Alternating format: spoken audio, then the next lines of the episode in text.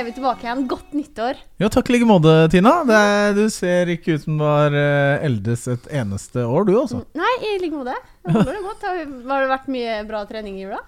Trening? Eh, ja, jeg har spilt cageball. Ja. Eh, endte jo da med et eh, strukket leddbånd på innsiden av kneet, så nå er jeg nødt til å ta meg noen uh, uker eh, pause fra fotball. Det er jo ganske skjørt, uh, dette maskineriet som sitter ja, godt, ved siden av deg her er nå. du, det er godt du sier det sjøl. Det Ja, det er, det er bare ikke til å komme unna. At uh, påkjenning, dette her Form er ferskvare, og kroppen er gammel, og, og så videre. Men herregud, jeg går inn i 2019 med godt mot, og jeg tror at dette her kommer til å bli et fantastisk år for Vålinga nok en gang. Ja, i år så tar vi alt. Eh, I år så tar vi alt. si det allerede nå i, i januar. Altså verste er at Vi kan starte med, vi starter, starter med å ta bøtta i hockey også, tror jeg. Altså, så I år så tar vi virkelig alt. Men du, det er ikke bare jeg og du som skal sitte her og drodle. Vi har fått inn en uh, gjest som har ekstremt lang fartstid i klubben. Eh, Ja. Han har både vært leder i klanen og eh, daglig leder i klubben. Og ja, i det hele tatt. Ja, øh, og han har øh, emigrert til øh, veldig mye varmere strøk. Altså Dette rommet vi sitter i er jo iskaldt nå, så jeg tror kanskje vi skal gi ham en jakke, så han ikke blir, blir syk i den tiden han skal sitte her sammen med oss. Men eh, Anders Krystad, hjertelig velkommen hit til Intility Arena og vår, vår podkast. Tusen takk. Veldig hyggelig å være her, og godt nyttår til dere òg. Jo, takk det samme. Altså Det er ikke nyttår ennå nede der hvor du holder til? For Nei, det, vi, vi, ja, nå feirer vi to nyttår, da. Eller nå i nyere tid så feirer man både første i første, men også da det som følger månekalenderen, som da vanligvis kommer i slutten av januar, begynnelsen av februar. Samme som kineserne. Det heter Tet. Ja. Og det er en vårfestival. Det er liksom da, da våkner naturen til liv igjen. Man kan begynne å plante og dyrke og sånn, så det, den er veldig, veldig viktig. Og da kommer forfedrene på besøk. Så da må huset være shina, man har nye klær, og det må være balanse og ro i heimen, og masse mat og masse drikke. Jeg spilte en gang øh, Amazing Race, og da var vi bl.a. I, i Vietnam, hvor du øh, holder til. Og da, da var det sånn at vi var der i januar, og det vi ikke var klar over fra vårt ståsted på forhånd, var at dette her var jo i den er det kalles det kinesisk nyttår, eller ja, i hvert fall denne perioden, og da reiser jo alle. Så det var jo køer og folk som var på tur, og busser som var utsatt, og alle fly var omtrent fulle i den tiden der. Så det, var, det er en voldsomt reiseaktivitet, og folk skal hjem til jul og nyttår der borte. Det er Tradisjonelt så skal man da til den landsbyen hvor man kommer fra, hvor familien kommer fra. Og ca. halvparten av de som bor i byene flytter på seg da. Så flybilletter og sånn, det bestiller du et halvt år i forveien, minst. Eh, Det skulle vår produsent eh, ha visst eh, den tid. For det ble ikke gratis å fly 65 personer gjennom hele Sørøst-Asia i desember, i januar. Det er Kina og Vietnam da, som har akkurat den datoen der. I Thailand er det jo annerledes. Der har de jo Songkran i april. Så, så man, de tinga bør man vite når man gir seg ut på reise, da. Men vi må kanskje øh, si litt om hvorfor du faktisk bor i Vietnam, da. For det er jo ikke alle nordmenn som øh, drar dit, bare sånn uten videre. Nei, vi er ikke så mange som bor der nede. Det er veldig få, egentlig. Dette starta med når jeg begynte i forbundet, i Fotballforbundet, med at det var, lå en liten pott med penger, og jeg ble spurt på første dag på jobben om kan du ta deg av det? For det var 60 000 kroner eller noe sånt. da. Og det går helt tilbake til valgkampen i Fifa i 97, hvor Per Omdal promoterte Lennart Johansson mot Sepp Blatter. Og ga noen løfter da, om barnetrenerkurs osv. Det tok jeg tak i, og tenkte at dette blir spennende. og Forhold til Vietnam har jeg pga. alder, og så husker jeg jo Vietnamkrigen veldig godt. Eh, selv om i Vietnam så kaller vi det Amerikakrigen. Ja, selvfølgelig. Men eh, det har da vokst på seg. Til slutt så ble det heltidsbeskjeftigelse, og til slutt så ble jeg boende der nede. Nå har jeg bygd hus og gifta meg, og nå har jeg slått meg ned der. Jobber med fotball. Breddefotball. Barnefotball. Ja, hvordan står det til med fotballen og breddefotballen da i eh, Vietnam? Vi begynte i HØS, for det første så fantes det, ikke, fantes det jo ikke noe for jenter, da. Eh, Det var litt grann for gutta, hvor skolene satte sammen et lag. Gymlæreren plukka ut et lag og trente dem en uke, og så spilte de en turnering. Og så var det ferdig. Det var et år til neste gang. Så det vi tok tak i, var jo å starte klubber i barne- og ungdomsskoler. Og fra dag én kreve 50 jentedeltakelse. Hvis ikke så blir det ikke noe støtte. Og utdanne da trenere, ledere, dommere. Og nå har vi utdanna litt over 6000 stykker, og vi hadde i fjor 160 000 unger med, Oi. og halvparten jenter. Ja. Så det er noen ca. 220 klubber i UE. Og det vi jobber med nå, er å prøve å spre dette utover hele landet. Men ikke med økonomisk støtte, men bare med kompetanseoverføring. Så jobber sammen med norsk, det vietnamesiske fotballforbundet. Mm. Og eh, det som vi kaller for eh, kultur- og idrettsministeriet, eller departementet. Mm. Sammen med Skoledepartementet.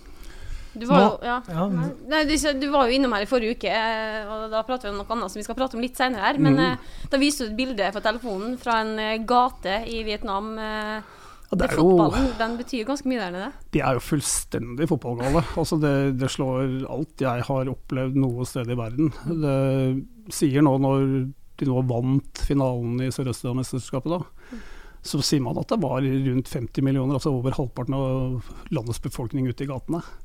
Det bildet jeg viste deg, det er jo et par millioner bare der. Ja. Det var jo flere sånne gater ved siden av hverandre. Det er, det er helt sykt. Ja. Du tapte finalen i um, U23-mesterskapet i Asia. Tapende finalist og kom tilbake til Hanoi. Det var det to millioner som hadde møtt fram på flyplassen. Mm. Det tok tolv timer å kjøre bussen inn til byen.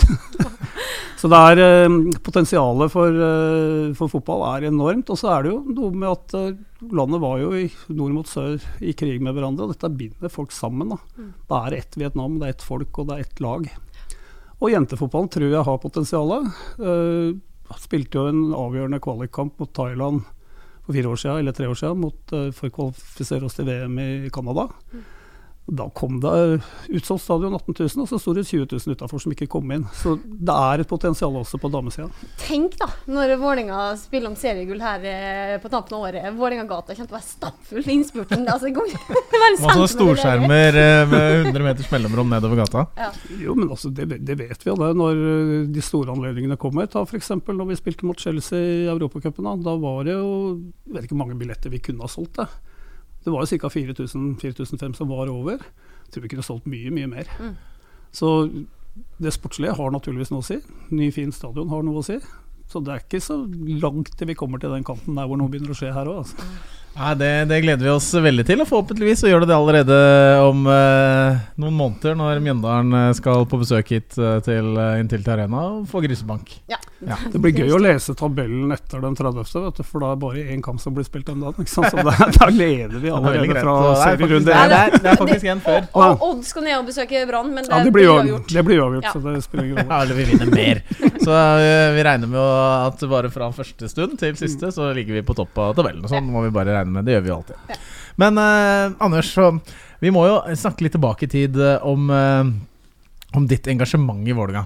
Og jeg har hørt, overhørte en av eh, en annen podkast, en veldig fin podkast som heter Toppfotball, hvor vår tidligere Uh, hva, er, hva er han var han? Han er vel mediesjef. Lasse Wangstein blant annet er en av de som, uh, som uh, har den. Og da, snakket, da var du på besøk. Og da snakka du om at du, du var på din første Vålerenga-kamp på 60-tallet. 61. 1961. Ja, ifølge fatter så er det 1961. Jeg husker ikke sjøl, det må jeg bare ærlig Nei, da var det ikke Altså, gamle karen. Jeg kan huske at jeg var på kamp, og husker jo liksom ja, gresset og flomlys og, og de tinga der. Men, men hvem som spilte og sånn, jeg har ikke klart å finne ut hvilken kamp det var. så, og vi løp i smugene løp rundt og plukka flasker og skulle pante og sånn. ikke sant? Så det var vel mer hele opplevelsen, ikke bare fotballspillet, som var greia, tenker jeg. Men da var det gjort. Da var det Ja, altså, så har jeg egentlig aldri spilt fotball sjøl. Jeg har spilt litt bedrift og sånn for moro skyld, men øh, jeg er fryktelig dårlig fotballspiller. Helt elendig. Norges dårligste med ball. Men øh, blitt ganske bra på tribunen etter hvert. da. Og så var det jo Jeg dro over til England i 76. Øh, nei, 75. Og bodde midt mellom Fulham og, og Stamford Bridge. Altså Craven Cottage og Stamford Bridge. Og så ble det Chelsea. Og når jeg da kom tilbake til Norge, så måtte jeg finne noe som var minst like bra. Det var selvsagt Vålerenga. Og Vålerenga er viktigst, altså, bare så det er sagt. Ja, for da har Vålerenga som jeg fått, du har fått muligheten til å teste akkurat Det er ikke så mange som får muligheten til å teste sin klubblojalitet når det gjelder norsk kontra engelsk lag, for de møtes jo veldig sjelden. Det var, det var veldig spesielt. Og det, det er klart jeg har en Chelsea-tatovering og en Vålerenga-tatovering. Men det var ikke noe tvil om hvem jeg holdt med da. Eh, Men jeg gråt litt mindre når vi tapte for Chelsea. grått. Ja, men Det må ha vært en fantastisk opplevelse også her på, på Ullevål. Men den kampen på, på Stamford Bridge i 99 mot eh, Chelsea der Det som, er, det som er trist, er jo at vi får da en kamp som er totalt utafor vår sesong. Vi, har jo, vi er jo helt nakne. Vi har jo så vidt begynt å trene etter jul, og så skal du ut og spille avgjørende kvartfinale i uh, cupvinnercupen, ikke sant. Men uh, vi skåra nå et par mål, da. Skåra både borte og hjemme. Men um, Og supporterne ble lagt merke til. Ja, ja, det var jo årets uh, supportere på Stamford Bridge, så det folk snakker om det nå. Jeg har jo masse venner i Chelsea og sånn, og det, det, det, den kampen er ikke glemt, altså. Det var stort. Men klanen gjorde ting som de ikke de hadde sett før. Melke kyr og ja, Kjøre skal vi kalle det? Hva slags tog? Ja, kjøre tog, kan vi kalle det. det er noen som kaller det for jenka, det er ikke Ja. det, da. La oss uh, for ordens skyld kalle det det akkurat her nå, så kan dere google Vålerenga kjøre jenka og se hva dere finner ut eventuelt uh, der. Men uh, Og så var det dette som gikk fra at du liksom var en vanlig supporter av Vålerenga til å være en så sentral del av Vålerenga supporterhistorie. Hva var det som gjorde at du liksom tok den posisjonen, eller fikk den, eller Altså det, for det første så hadde jo klubben en del problemer. Altså det, det er ikke noe tvil om. Ikke bare finansiell art, men uh, også med i forhold til oppførsel. Det, det har egentlig klubben alltid hatt. Jeg har et sånt utklipp fra Aftenposten fra 1923 altså, som snakker om dårlig oppførsel blant uh, tilhengerne. Men uh, vi begynte å bli en ganske stor gjeng som hang sammen på kamp med unge folk på slutten av 70-tallet og begynnelsen av 80-tallet. Vi reiste mye på borteturer sammen. Og Da var det liksom det første som gjorde omtrent i norsk ja, fotball. og, og, og det blir jo et utrolig samhold, noen, særlig for det vi har hele året. For at du følger hockeyen om vinteren og du følger fotballen om sommeren. Men vi så jo på, da på tampen av 90-tallet, og vi rykka ned i 90, så var det liksom nå, nå må vi ta tak i dette her, og vi må gjøre dette her til noe positivt. Og så var vi da flere sentrale folk. Det var langt fra bare meg. Men jeg vil jo særlig si at eh, Kjell Grønningen og Stein Jarman og meg sjøl, vi var liksom en slags indre kjerne. Og vi er veldig forskjellige. Så det ble en veldig ålreit miks. Og så lagde vi Først bestemte vi oss for å lage Apstreken, som nå heter Klansropet. Og så i det første nummeret så inviterer vi til stiftelsesmøte på Gamle Bryggerhus. Og fikk veldig kjapt respons. Mange som meldte seg inn. Dette var 1991. Dette var det stemme? 91, 50, 50, 91. Og så, i 93, så hadde vi en veldig kjedelig hendelse oppe i Bergen, eh, bort mot Brann. Med hvit makt-T-skjorte og fullt slagsmål og greier. Og da fikk vi vedtektene. Og da datt det inn flere tusen medlemmer over natta. Altså, for det, jeg tror folk venta på at klanen skulle på en måte avklare veldig tydelig hva de sto for. Og da, da ble det veldig, veldig klart. Svært medlemsmøte oppe på Ullevål stadion, og da nådde vi jo Kom jo opp mot 14 000 medlemmer, tror jeg, på ganske kort tid. Så har jo ikke det ligget stabilt der, men det har vel litt med, med sportsresultater å gjøre. Og ja, Hva tror du skal til for at eh, klanen skal bli så stor igjen? Eller kan de noensinne bli så stor igjen? Ja, jeg tror jo det. Jeg tror jo at Vålerenga har potensial til å bli eh, enda større enn det de er nå. Det er jo for lite folk på kampet her, i forhold til at vi ligger i den byen vi ligger og har fått det flotte anlegget her. Men eh, jeg tror det er viktig at klanen ikke blir sånn ekskluderende i forhold til de som ikke ønsker å være stående syngende supportere. Mora mi får, hun er snart 90 år, og hun vil liksom få med seg at hun er ikke velkommen for disse sitter og drikker kaffe. Hun skal stå og synge, hvis ikke så er hun ikke ekte supporter. Det er en dårlig kommunikasjon. Klanen er til for det er en uavhengig supporterklubb, men har jo da et samarbeid med klubben. Og det må jo være tak nok, eller høyt nok under taket i klanen til at det passer for alle. Alle som definerer seg sjøl som Vålerenga-supportere. Om du da velger å drikke kaffe eller om du velger å sitte, det spiller jo ingen rolle for meg, i hvert fall. Og så har vi fått eh, til den ene svingen her med, med ordentlig med ståplasser, og det er jo, har virkelig lagt til rette for eh, den gruppa òg. Og jeg ser jo i andre klubber også at eh, du må ha Det er mange grupper, ikke sant. Du, har ikke, du, har, du kan ikke bare snakke om én type supporter, det er det riktige og alt annet er gærent. Det blir helt feil. Supporterpoliti liker jeg ikke. Kan, kan man si liksom at når dere, når starta på, på begynnelsen av 90-tallet, slutten av 80, begynnelsen av 90-tallet, at det var en slags sånn eh, skal si at den bykulturen, kulturlivet i Oslo, da med blitz og med fot unge fotballsupportere, liksom, litt sånn søkende kultur, det, det hang liksom veldig bra på greip at klanen kom ut av dette her liksom en veldig At det var en tidens tann, egentlig. Ja, og det henger også litt med hva det som skjedde i England. da. Altså, Ja. Vi fikk jo uavhengige supporterklubber der som begynte med fanziner. Så, så vi kopierte jo litt. Men vi klarte å skape noe som er unikt, tror jeg. Og Sjøl så reiste jeg jo masse rundt. Jeg ble invitert nesten til hver eneste klubb for å komme og fortelle hvordan hadde vi gjort det. Ikke fordi at folk skal kopiere direkte, men at de får en del inspirasjon og skjønner hva som skal til av struktur da, for å drive dette her. Og klanen har jo også brukt en del av de penga på klubben. ikke sant? Og kjøpt bingen her borte. og Det syns jeg er veldig bra. Og har fått en posisjon som jeg syns de fortjener. Jeg kan huske veldig godt når vi starta klanen, at da, da kom det liksom telefon fra Valle og sa ja, nå kan jo dere ta dere parkeringa på Lille Bislett og selge billetter og sånn. Det, er- ikke derfor vi er der, vi er for å tilrettelegge for supporterne. Det er to helt forskjellige ting. Så vi er ikke Meninga er ikke å være en inntektskilde for klubben eller måte å spare penger på. Det er, det er synergiene ved at det kommer mye folk og at det trekker folk. Jeg tror kanskje et av problemene de siste åra har vært at mange har dratt på kamp for å se på og høre på klanen. Ja, det føles nesten som eh, eh, Jo, men det, det, er, det er litt uh, dumt, egentlig. For det, det er jo spillet på matta som er greia, og så kommer det som skjer på tribunene som et supplement, og, og styrker produktet. Men nå jeg tror det er viktig at klanen ikke blir seg sjøl nok. Da. At de, de ser hvilken rolle de spiller, men at de må være mer åpne og inkluderende og trekke mer folk. Men uh, potensialet til å bli størst og best, det kan jo ikke være noe å lure på. Hva var det som drivkraften, og hva var det som gjorde at, at klanen fikk en egen status blant eh, supporterklubber når man så det utenfra i Norge, var jo ledestjerna på veldig mange måter i veldig mange år. Hva som gjorde at liksom, klanen fikk den, den posisjonen? Vi var vel først ute med å organisere på den måten. og så, så, dette var jo før internett òg, så vi hadde jo dette, denne appstreken som kommunikasjonskanal. og det, det å kunne snakke med hverandre. For det, det får du ikke gjort hvis du har en gruppe på mer enn ti.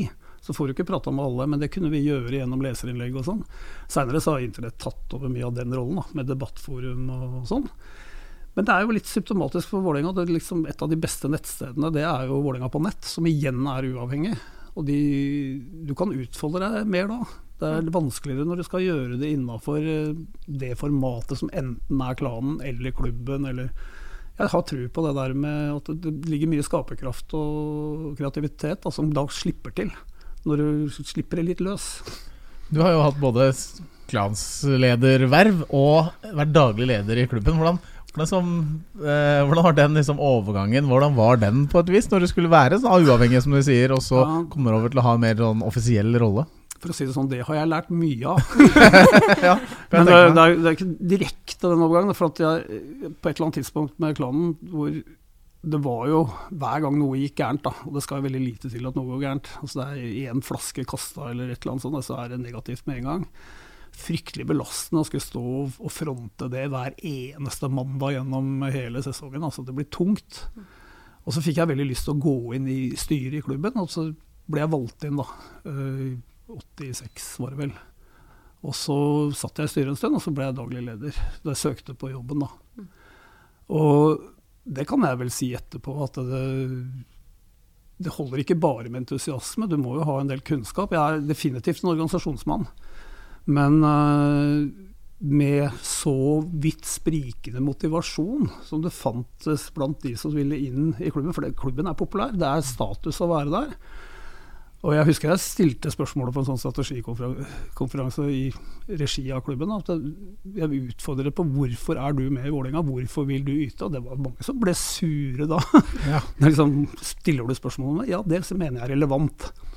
Og sånn tror jeg alltid det vil være når du er høyprofilert, om det er Brann eller Rosenborg eller, eller Vålerenga, så, så er det alltid noen som stikker nesa fram fordi de vil pynte seg eller sole seg i glansen. Altså. Er det ikke litt deilig at uh, mye av bråket nå har flytta 60 mil nordover? uh, og holder til rundt uh, Trondheimsfjorden? Jeg syns jo dette er dårlig for norsk fotball. Ja, det er, dette er en dårlig måte å løse det på. Altså. Og det er litt farlig å bli så stor at du, begynner, du fremstår som arrogant. Altså. Du tror du kan gjøre hva du vil. Når eh, en sportslig leder i en klubb sier at ja, vi har sett på han spilleren i flere år, vi bestemte oss for å hente han da og da. Altså, det, det blir litt for enkelt, altså. Og jeg tror man skal ha litt større grad av ydmykhet. Uh, ingen liker noen med nesa i sky, altså. Ingen gjør det. Det kan være veldig veldig skadelig. Så jeg tror det er viktig at Vålerenga holder på det folkelige imaget sitt, og at eh, dette er klubben hvor ja, litt løs nipp, og det kan, det kan gå litt opp og ned, men uh, vi blir ikke blærete, altså. Det skal vi aldri bli. Men fra 96, som du var da, er det til 99 kanskje, eller i hvert fall den perioden da, som var, det var en turbulent tid i, i Vålerenga med eh, måtte nedrykk, opprykk, cupgull, eh, det var personer og inn og ut av, av det, og, og, og, og folk bak i kulissene også. Det var en ganske sånn anspent tid i klubben, hvor man måtte finne posisjonen sin, kanskje? Ja, altså vi hadde, vi hadde jo en, så godt som en konkurs i 94, hvor da spillere på sin side solgte sesongkort, og hvor klanen samla inn penger. Og redde, var med å redde klubben. Og det, det var reelt. Uh, og det er klart, det var veldig gøy å være med på. Og så var det det å prøve å ta det videre. Da. Men som jeg sier, det er, det er ikke bare bare når folk har så ulike agendaer når de sitter og skal styre dette her. Det er ikke noe tvil om at folk, eh, noen tenker mer på seg sjøl enn de tenker på klubben. Og det syns jeg man, en valgkomité skal være ganske nøye på når de eh, er med å plukke ut folk. Altså. Det ser veldig bra ut nå, syns jeg. Mm. Det gjør jo det, i hvert fall sånn utafra. Jeg kjenner jo ikke alle de indre prosessene, men jeg ser at det er flinke folk som uh, har fått til noe her. Absolutt. Da hadde jo ikke denne stadion hadde ikke bygd seg sjøl, liksom. Nei, det, det, hadde den ikke. Nei, den hadde ikke det. Jeg er helt enig med deg. Det sitter flinke folk i vårt styre. Mm. Vi har en daglig leder som er veldig tydelig, og som samarbeider godt med både styret og med, og med øverste eier i Trøim, selvfølgelig. Mm. Som er jo helt avgjørende for at uh, Vålinga har den satsinga som, som, vi har. Så uh, helt enig i at det er en god struktur nå. Og så er det jo ikke dermed sagt at vi vinner kamp hver søndag. Så det er, liksom, det er en prosess da, som vi skal som jobbes knallhardt med. Ja, og jeg, jeg, tenker jo at potensialet for å bli bedre på, på spillerutvikling i egne rekker er jo stort. For nå har vi et kjempeanlegg her. Vi har kompetanse i drøssevis når det gjelder utdanna trenere, og det er høyt nivå på ting.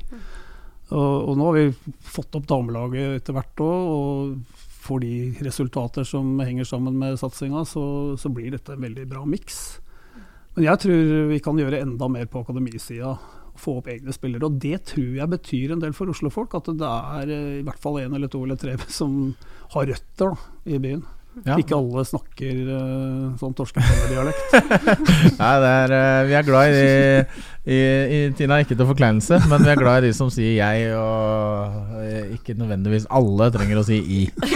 det, er faktisk, det har vært ganske mange i den klubben her, faktisk. Som har sagt uh, 'i' opp gjennom årene. Nå er jo du egentlig fra Bergen, da. Ja, jeg er jo født og oppvokst i Bergen, så jeg snakker jo bergensk godt. Men jeg prøver å unngå å gjøre det for mye i gangene her oppe, for det blir vel veldig dårlig mottatt. Det er faktisk De er mer glad i moldensere enn bergensere, det har jeg lært. ja, ja. Sånn, eh, det, det, tror jeg på. Eller det, det, er vi jo helt klart. Men, um, ja, jeg, jeg, tenker på en ting til. og Nå sitter dere begge to med spillebakgrunn her. og det, det, er bra. Du ser hengeren gå rundt her. Det er liksom tatt vare på en del folk. Det var vi ikke noe gode til før. Og, og det syns jeg er bra. At, uh, for det, det, bringer kontinuitet da, i, i jobbinga. Og jeg setter pris på at dere er og jobber i klubben her. Mm. Ja, men, Moa, Moa er ja, her òg. Ja, og så kan vi jo strekke lenger som at uh, i gangene her hver eneste dag nå, så går jo Knut Arild Løberg som en av de som tar Vi har en videregående skole her, ja. og han er på en måte Jeg kan ikke helt stillingstittelen hans, men han er på en måte sånn førsteledd ut uh, mot uh, ungdom og ta, sørge for at uh, miljøet rundt her er positivt og bra, og er en bidragsyter mellom både skole, Vålerenga samfunn og miljøet rundt der. Kjempebra. Mm. Og så har vi dette med Engaland, hvor vi har med masse av de gamle spillerne som er ute mm. og representerer Vålerenga. Jeg vet at de syns det er gøy, og vi syns også det er veldig gøy at spillere som Lasse Eriksen, Snapperen, ja. Juro Kubicek, altså hvem det skal være, er med oss ut på disse turene. og representerer Vålerenga. For jeg vet at de er stolt av klubben, og vi er jo stolte av dem òg. Ja, og, og, det å fått revitalisert det, det var faktisk en av de tingene vi gjorde i klanen. var Å få tak i de som spilte tidlig på 60-tallet. De som ble seriemestere i 65, de som ble i 81. så, og samla de. Vi hadde de på sånn konsert på Rockefeller med, når klanen skulle ha serieåpningskickoff. ikke sant? Og, og, det har klubben på en måte fortsatt å gjøre. da, og Det, det er en av de tingene jeg er glad for at vi fikk til. altså. For de fortjener å bli huska. Det er jo sånn, Du sa det i stad, at uh, form er ferskvare. Og, og vi, vi, glemmer litt for fort. For at du lever i nå, og det er de som er stjerner i dag, er de, uh, er de du kan navnet på. Mm. Men jeg mener jo at uh, vi har en historie som alle som kommer til klubben her, burde få innsyn i og skjønne. For du skal skjønne kulturen, skjønne klubbkulturen. Vi starta jo en sånn Vålerenga-skole sammen med folk som har jobba med merkevarebygging og sånn, som jeg tror fortsatt at folk må igjennom når de kommer hit. og den, Det er bra, det er viktig. En av rollene til, til Moa mm. det er jo å ta med nye spillere mm. nedover langs uh, si, nærområdet her. da. Vise dem Vålerengagata, vise dem uh, Sotahjørnet, si, Vålerenga vertshus og alle de viktige områdene som er rundt klubben, som har vært en del av historien. Ja, for at, altså, det at en klubbspiller altså En som er født og oppvokst i klubben, blir i klubben og spiller 500 kamper. Det, det, skjer jo nesten ikke lenger. Og Jeg ser jo på en del av de unge som har vært her, som har gått ut veldig tidlig. Mm. Det syns jeg er trist. Vi skulle gjerne holdt på Berge, Sander Berge litt lenger, Håvard Nielsen. Altså, for at de, de er gode. Og, og jeg syns det er trist når de forsvinner ut så tidlig. Altså. Mm. Men da må vi ha noe å tilby dem, da. Ja, men det er sånn, eh, alltid sånn ambisjon kontra eh, på en måte trygghet. Da, som er eh, Ofte så tar disse unggutta Altså, nå er det jo så, stor, så, mye økonomi der ute, så det er så vanskelig sikkert å si nei til en kontrakt hvor du kan sikre deg for resten av livet. Da, liksom, men noen ganger så er det greit å ha litt tålmodighet. Fordi eh, det å være fotballproff i Vålinga eller i andre norske klubber for den saks skyld, for de som kommer derfra, det er samtidig en utrolig sterk læringskurve i, i å være, bli en bærebjelke i et eliteserielag som en relativt ung spiller. Jo, men jeg, jeg tenker på den med, med, med klubbtilhørighet. altså virkelig du representerer klubben. Det er klart at Hvis du er innom et par sesonger bare for å tjene noe penger, og så har du tenkt deg videre, så, vil du aldri bli en oppebærer av den kulturen. Du, du er en leiesoldat, og du forsvinner av gårde der hvor penga er. Og Nettopp derfor så setter vi jo ekstra pris på de som blir lenge, da, og som markerer seg kanskje ikke som verdens beste spillere, men som uh, trygge og gode rollemodeller for ungdommen, for, uh, for de ungene som spiller her. Så da er jeg glad når eh, jeg ser at man har tatt vare på noen av de. Ja, det er, eh, det er, mange som er fra ikke bare vært fra området, man kan være fra egentlig hvor som helst. Når du kommer til Vålerenga og du blir her over en periode, så blir du både satt pris på, men jeg opplever da at selv de som ikke nødvendigvis er fra Oslo, men som har vært der over lang tid, si Kjell Roar Kaasa f.eks. Ja. Som bare, Han har spilt i en haug av klubber, men han sier det er jo, ingen, det er jo her dette som er klubben min. Ja, og jeg, altså, jeg tror, her jeg tror f.eks. de som var med på den uh, redningsaksjonen i 94, f.eks. Roar, da, de, det er klart det gjør jo noe spesielt med deg, det òg. At du, du, er med å løfte lasset, ikke bare sitter og venter på, på lønningssjekken din. Altså. Ja. Nei, det er bra. Du nevnte Vålingas historie, og det er jo en av grunnene til at du er uh, her hos oss i dag. er jo at du Eh, du, jo, du, er jo en skaper av eh, historie, men du er også en som gjenforteller historien. Og denne gangen så har du eh, valgt å, å gjøre det i tegneserieform. Ja, jeg så ikke helt den komme. Men jeg har alltid likt tegneserier. Og jeg har jo sittet og skrevet en del ting. Og jeg har jo en bok på tapetet òg. Men så er jeg blitt kjent med en tegner, da som bor i Vietnam, så en nordmann. heter Øyvind Sveen. Og så har han en partner som heter Ivan Embeland. De har tegna Boeing og Sleivdal i 30 år. Og så sier Øyvind til meg vi lager Vålerenga-bok. Lav manus, så skal vi dramatisere og tegne. Det syns jeg var kjempegøy. Mm. Og fant jo ganske raskt en form, da. Det er jo to barn som spiller eh, for Vålerenga, som er skikkelig fans. Som da blir innelåst på stadion her etter kamp. Og så skjer det ting. Uh, og så får de historien fortalt. Og da har jeg prøvd å unngå de historiene som alle har hørt tusen ganger før. Prøvd å ta med noen andre historier. Kan det hende noen blir litt sure på måten de blir Men det er fiksjon, da. Altså, jeg har ikke lyst til å røpe hele handlinga. Den, vi har ikke noe forlag i ryggen, så vi er litt avhengig av å selge litt på forhånd, så vi vet at vi har penger nok til å trykke og sånn. Men det skal være ferdig til, uh, til seriestart. Mm. Manus er ferdig for lengst, og boka er over halvveis. Så rundt 1.2 så ligger hele greia ferdig. Ja. Så vi har egen uh, Facebook-side som heter uh, Tegneseriebok om Vålerenga. Ligger på startskudd.no. Bare gå og kjøpe. Mm. Vi vil alltid være her. Vålerenga vil alltid ja, være her. vi vil alltid være her. Det er litt om bydelen, og så er det mest om uh, fotballen. Det er lite fra hockeyen. Det er, det er fotballen vi har fokusert på nå. Jeg har jo vært så heldig å fått uh, sett et par uh, sider, uh, mm. og jeg gleder meg til den kommer ut. Det, ser det, morsomt ut? Ja, det ser utrolig morsomt ut. og det er, det er så kult tegna. Alle de som har lest Boeing og Sleivdal opp gjennom årene, de kan kjennes igjen i, i måten det er tegna på. Ja, Freddy er jo med i boka òg. Mm. Ja da, ja da, jeg, du sendte meg en liten Han er ikke så glad i den. Nei, jeg får en, får en ærefull posisjon i, i, i klubben der, så jeg, ikke for å røpe noe, men uh... Ja, jeg kan røpe allerede nå at uh, du skal få lese den sida om det sjøl, uh, og så skal vi dramatisere den på et, på et vis i, i, I denne podkasten? Nei, på VIF-TV, tenker jeg. Det må okay. faktisk det må faktisk filmes, tenker jeg. Ja, Men det blir gøy. Ja, det, det er stas å være nevnt, er ikke det? At, uh, ja, absolutt. Det er, jeg har jo vært her i en mannsalder omtrent, jeg også, så det er Det er morsomt å være, å være med på det. Men uh, den, her, den, boka, da, fordi den her, eh, du sier at den blir litt sånn Hva kaller man det? Crowdfunda uh, om ja. dagen? At man, fordi dere, har, dere produserer den og lagd hele historien. Den blir jo fantastisk fin. Og den er, uh, jeg har som sagt sett litt grann av den. Uh, og den kommer til seriestart. Og folk kan da allerede nå, bare få sagt det på nytt, uh, liksom forhåndsbestille den. Og, da, ja. og, og, det vil hjelpe dere å få fullført og trykt opp. Uh, vi er, eh, vi er nest, ja, jeg skal ikke si vi er nesten i mål, men det er ikke så langt unna til at vi har nok til å trykke opp. Men vi skulle gjerne trykt opp litt mer, da, for da sparer vi litt på kostnadssida. Men vi, den boka kommer, det er ikke noe å lure på. Og vi har også gitt den garantien at skulle da en eller annen grunn skjære seg, så får folk pengene sine igjen. Så det er ingen som risikerer noe her.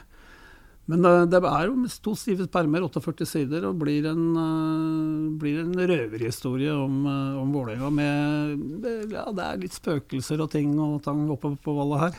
som du blir kjent med i løpet av boka. ja, det er fantastisk. Altså, du har jo ikke, du, sagt at du, vil, du har spart historien litt, og ikke, forteller ikke de mest allment kjente. Men utover dette, det, som står i boka, så har jo du Eh, sikkert en hel drøss av historier fra din Vålerenga-tid. Fra starten som supporter. Dere reiste på disse borteturene. Hvordan var det da som tidlig 80-tall, når dere begynte å reise, kanskje slutten av 70-tallet også, når dere begynte å reise på bortekamper? Var det da som klanen kom til alskens eh, grisgrendte strøk? Den, hvordan, hvordan, ble man tatt imot? Hvordan, hvordan var det egentlig? Det var vel litt sånn skrekkbrann av fryd uh, rundt omkring. de stedene som hadde litt mer enn ti postkasser. Det var jo alt fra første runde i cupen, hvor banen ligger ved den og den melkerampa, til å være på Lerkendal og, og Brann stadion. Så men jeg tror vi hadde respekt. Jeg tror folk syntes det var gøy. Da. Det skapte jo liv i, når det kommer en såpass stor gjeng med, med tilreisende supportere. Til og med i Tromsø, sant? hvor uh, alle de som er i militæret, som er fra Oslo-området, skal naturligvis da til Tromsø og se kampen. Så det, det blir mange. Og vi har noen legendariske bussturer. altså Mo borte i cupen, fire bussturer opp. Og det er langt til Mo i Rana, altså. det, er, det er langt. Og en som aldri kom hjem. Han blei ble der. Nei, nei, nei. Men jeg har sett folk har sittet og regna ut skal, skal, skal, fra Oslo til Mo i Rana. Det tror jeg, Da skal du holde med tre hele vodka. og det har jo ikke alltid vært like lekkert da, når det renner ut av av klansbussene. Ja, hvordan var liksom synet av eh, da, fire klansbusser på vei til Mo? Til Mo den turen var ikke jeg på, så den kan jeg ikke si noe om. Men vi hadde jo vi hadde en sånn legendarisk tur i 92 mot Surnadal. Ja. Og da tror jeg det var noe sånt som 14 ulike medier som tok imot bussene når de kom. og fletta, var spesielt. Vi hadde jo lagd en T-skjorte hvor det sto uh, 'opp som en ståpikk'. Så skal vi rykke opp igjen, ikke sant. Og så sto det 'hvor faen er Surnadal'? Den er med i boka, forresten. Den er ganske bra. med i boka. ja, Den Surnadal-turen den går jo i år om, og det er flere vi har hatt tidligere her i, i podkasten som, eh, som, har referert til den der. Men er det sånn, eh, når dere kommer da, si til Surnadal, hva, er det liksom, blir dere møtt med åpne armer? Er det, er det liksom sånn her Oi, der kommer skumle ungdommen fra Oslo? I det tilfellet her så hadde vi gjort uh, godt forarbeid. da. Vi hadde jo møte med, med supporterklubben der oppe og hadde lagt opp til felles grillfest, og vi skulle bo på klubbhuset der. og, og Det var et skikkelig felles party. Det har vi gjort med noen andre klubber òg med Start f.eks. Ble dratt ned på sommeren ikke sant? og ut på, med reker og øl og på båttur. Og, og, det har vært veldig fint å bygge opp et sånt miljø. For det, det er forskjellen. da. Noen holder med et lag i en annen farge. Vi er fotballsupportere. Vi liker fotball. Og så har du preferanse for én klubb. Det er klubben min. Du vil at de skal vinne, men interessen er jo den samme.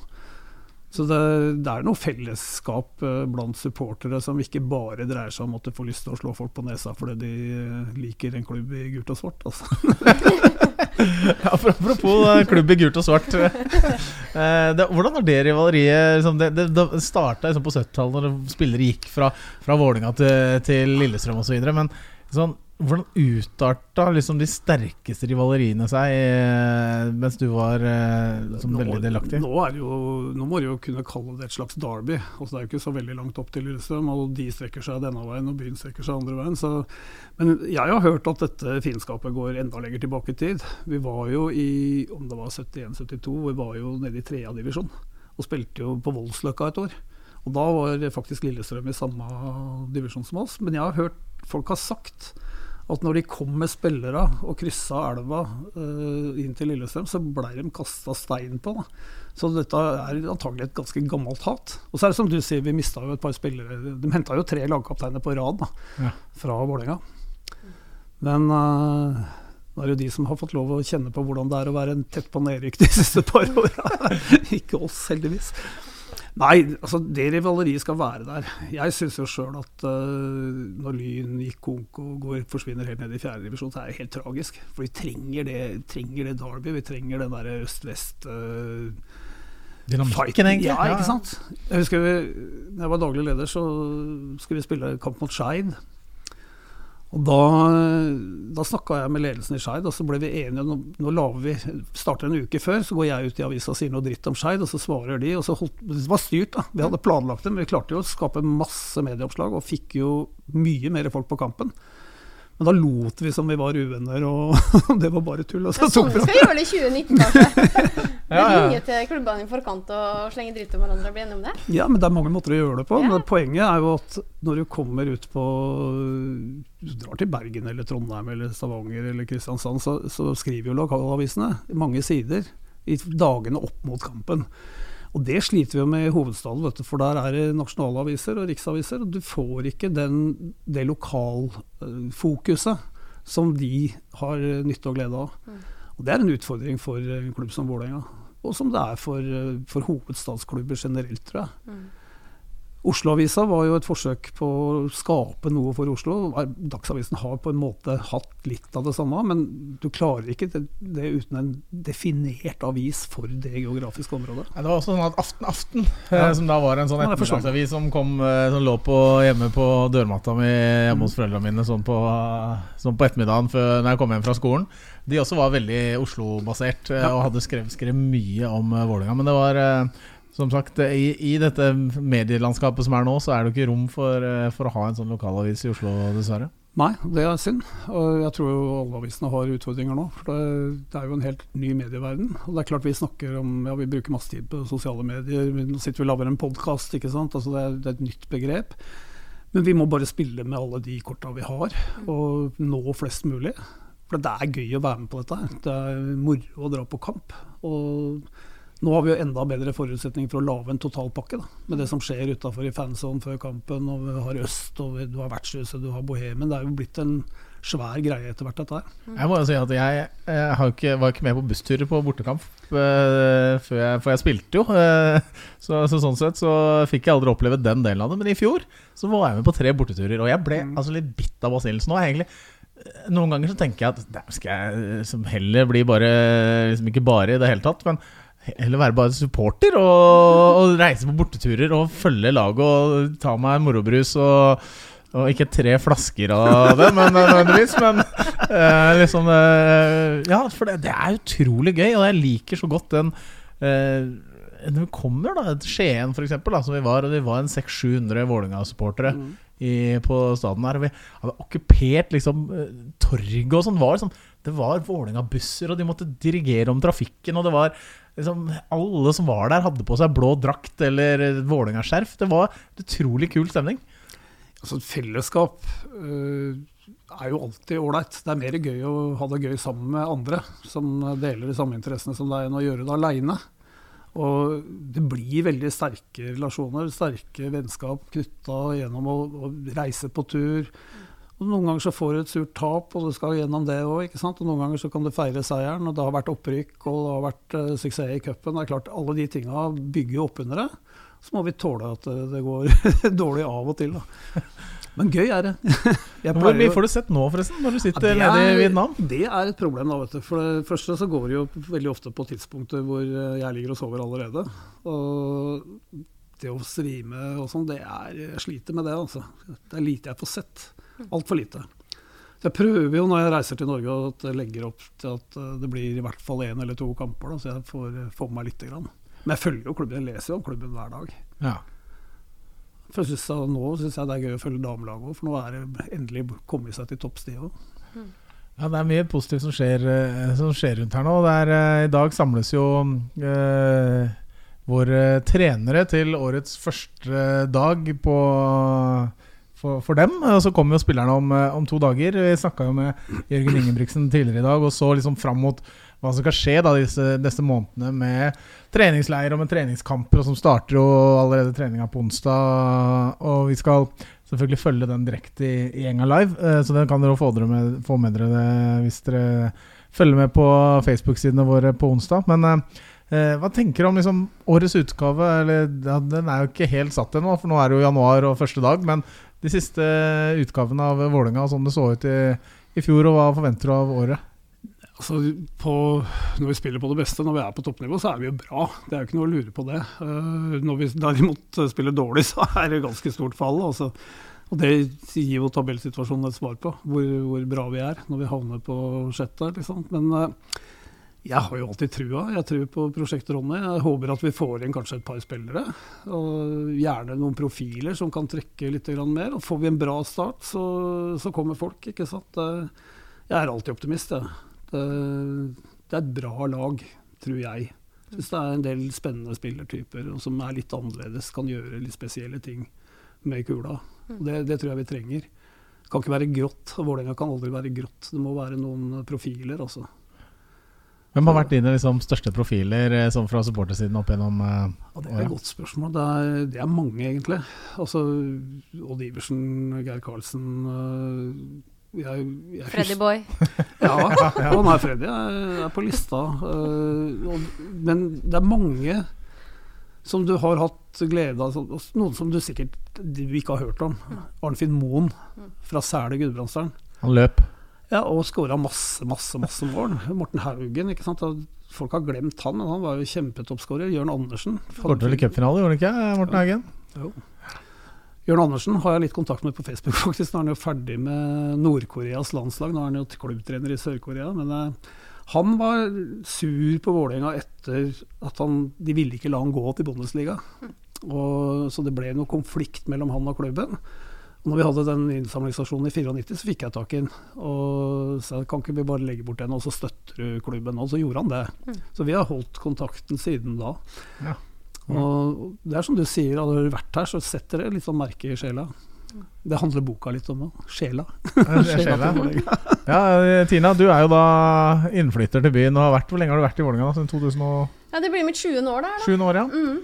Det er satt spor på sjela di òg? Jo, definitivt. Men det gjorde det allerede første dagen jeg kom inn der. Jeg troppa opp i Valhall. Eh, ja, det var vel 8. januar eller noe sånt. Det var sikkert 15 eh, minus ute, og der sto de med åpne armer og en varm kopp eh, kakao og venta på meg. Så det var ja, fra dag én, egentlig, så ble jeg bitt av basillen.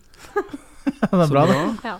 ja. ja men det var, det var, sånn når du kom fra Jeg kom jo fra Trondheimsølen og uh, ja, jeg, jeg, følte meg en gang at jeg var en del av noe som var mye større da, mm. enn det jeg hadde vært uh, en del av tidligere. Og følte meg veldig sånn inkludert og velkommen med en gang. Og det, når jeg prata med mange andre av mine da, tidligere kollegaer i Toppserien, så var det ja, det var en gjengs følelse. da, At når det kom til Vålerenga, så var det liksom Det var stort. Uh, jeg, prøver jo, jeg prøver jo å ta med meg noe av dette her i forhold til det vi driver med i Vietnam. da, mm. Dette med tilhørighet og identitet. og Jeg tror det er innmari viktig. Mm. Jeg starter jo nå I februar så starter jeg sammen med en kompis en ny klubb i Høyre. Det heter FC Tung Lai. Det betyr fotballklubben Framtid. Oi. Og ambisjonen er å lage verdens beste breddeklubb. Mm.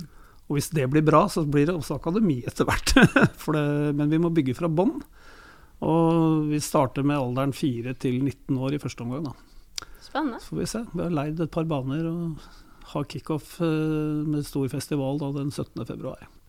Det høres jo helt fantastisk ut. Det der opplegget og arbeidet dere gjør der, hvor viktig altså Du sier det samler jo et folk som har vært veldig splitta. Eh, det kan man se som fotballens måte, kraft. Da. Den ser jo du veldig sånn egentlig det ja, daglige arbeidet ditt. Men den, den, går mye videre enn det. For at vi, du, gir jo, du gir jo folk sjøltillit. Altså folk får en, eh, en større grad av sjøltillit når de opplever mestring og når de er en del av et fellesskap. Og det er klart at Vietnam er jo et uh, veldig spesielt samfunn. Da. Veldig hierarkisk. Det er jo en ettpartistat ikke sant? hvor staten styrer med hard hånd, og, og, folk på en måte ikke mener noe og sier noe. Og, sånn. Og det er klart å, å, få dem til å stille disse spørsmålene. Hvorfor det? og og jeg ser særlig på jentene. De, de får så bein i nesa av å spille fotball. Altså. De tør. Mm. Og, og, vi har jo hatt noen uh, effekter av det vi har gjort der nede som vi kanskje ikke tenkte på på forhånd. F.eks. For så er det mindre drop-out fra skolen, det er mindre fravær, det er mindre disiplinærproblemer, det er bedre karakterer. Fordi at skolen blir et mer interessant sted å være. Mm. Så alle klubbene våre foreløpig er skolebaserte. Men denne klubben her blir da helt selvstendig, blir en lokal klubb. Og det må, de må betale treningsavgift, da. Men vi har samtidig holdt av plass til ja, opptil fem stykker på hver treningsgruppe som kommer fra fattige kår, som ikke har råd til å betale. Så vi skal ha en veldig klar sosial profil på dette her.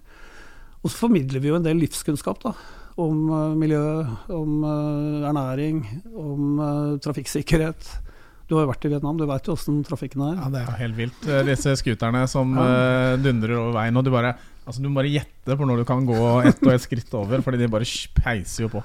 Så lærer vi hiv aids. For de minste barna så går det jo på å ikke diskriminere de som er, kommer fra en familie hvor noen er smitta, eller er smitta sjøl.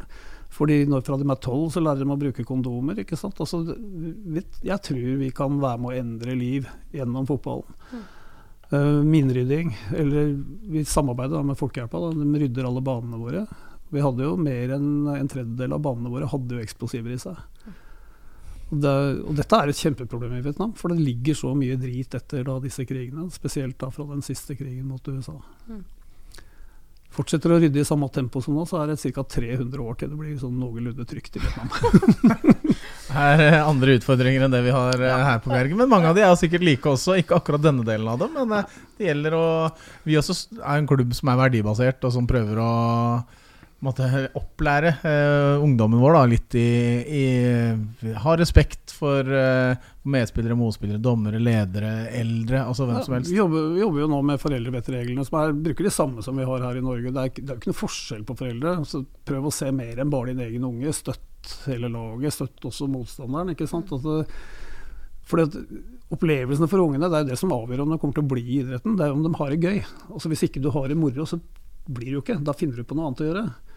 Og vi har jo en situasjon nå hvor folk har endra livsstil veldig, veldig fort. Du endrer kostholdet ditt, du får sånn der, og drømmer om McDonald's og Burger King eh, og slutter å spise ris og grønnsaker, liksom. Og ingen går lenger, alle kjører motorsykkel. Mm. Og det får da overvekstproblemer, diabetes, det går jo sky high der nede. Og det er klart at helseaspektet også blir viktig for oss i en sånn kontekst. Men det begynner med at det er moro. Altså. Det begynner med at det er gøy. Og så det, kommer alle de andre tinga som en bonus på toppen. Vi skal være middag, så spiser jeg ikke mye McDonald's, for jeg syns det var helt fantastisk, den maten som er der. Det er grunnen, til grunnen god nok til å bo der, faktisk. Det er utrolig god mat. Jeg husker jo det som kalles Jeg ikke sier det riktig nå, men få. Ja, ikke sant? Og det er skrevet PHO, med en liten tøddel over o-en og lå det er. Og da husker jeg solgte sånne T-skjorter som det sto iPro. Og så var det bilde av den derre der frokostrett, egentlig, er det ikke det? Som har, Nei, det lunsj, tra tradisjonelt en frokostnudelsuppe som serveres, som er fra Hanoi. da Den er ja. fra nord, men den, du får den over hele landet. Ja, det var, det var veldig En av mine favoritter. ja, det var veldig, veldig godt. Så dra til Vietnam, folkens. Besøk Anders og, og spis litt få. Eh, det, når du ser bort på den supportertribunen der borte, så ser du Den kan jo minne litt om gamle store stå under taket, der er ståtribunene osv. Ja, denne her syns jeg er enda finere, for den er ordentlig bratt. Og, er, og så har man gjort det veldig sikkert da, med å ha disse bølgebryterne på hvert eneste skritt. Så den er vesentlig mye tryggere enn det var på Store Stå. Det, det, det, aner meg. Eh, men du, når du ser uh, Eh, arven etter eh, Jeg snakka med Christian Kjeldsen som har vært talsmann i klanen tidligere. Eh, litt om eh, deg da, du skulle komme. Eh, liksom, han skrøt jo fælt av hvordan du og Stein og, og Kjell var eh, tre av de du nevnte det selv, tre av liksom, de som tok regi i starten. Men de som da har liksom overtatt stafettpinnen, da. tenker deg, hvordan, ser, hvordan ser du fra ditt ståsted klanen nå? Nå har jeg akkurat hatt en prat med, i forbindelse med denne boka. Da. Så har jeg fått litt drahjelp fra Klam at de har lagt ut litt PR på, på siden. og sånn, Så jeg har snakka litt med Lasse. og jeg har jo inntrykk av at det er høyst oppegående folk som, som, sitter der. Og jeg sitter ikke med noen drøm om noe comeback, jeg. Altså, det, altså, eneste stedet er fullt av uenværlige folk er på kirkegården. ikke sant? De klarer seg helt fint. Men jeg, jeg håper på mer raushet og mer altså ikke, ikke, være så strikte på liksom, hva er som definerer en god supporter. Jeg tror en god supporter definerer seg sjøl. Det, det, er ikke min oppgave i hvert fall å fortelle hvordan folk skal holde med klubben. Bare de holder med klubben og oppfører seg på en sånn måte at de ikke skader klubben, så er det greit. Hva er eh, drømmen din for Vålerenga og for klanen i årene som kommer? da? Nei, drømmen er jo også å komme ut i Europa igjen. Altså det, De eventyrene vi hadde borte mot Besjiktas og mot, uh, mot Chelsea, mot uh, Newcastle, er jo fantastiske opplevelser. Og Det mener jeg må være noe av det altså, Hvis ikke Vålerenga har ambisjoner om å spille i Europa, så blir jeg skuffa. De sitter jo nede og drøfter sikkert planer for sesongen nå, eh, trenerne. Så eh, ja, skal vi si eh, Europa 2020, da?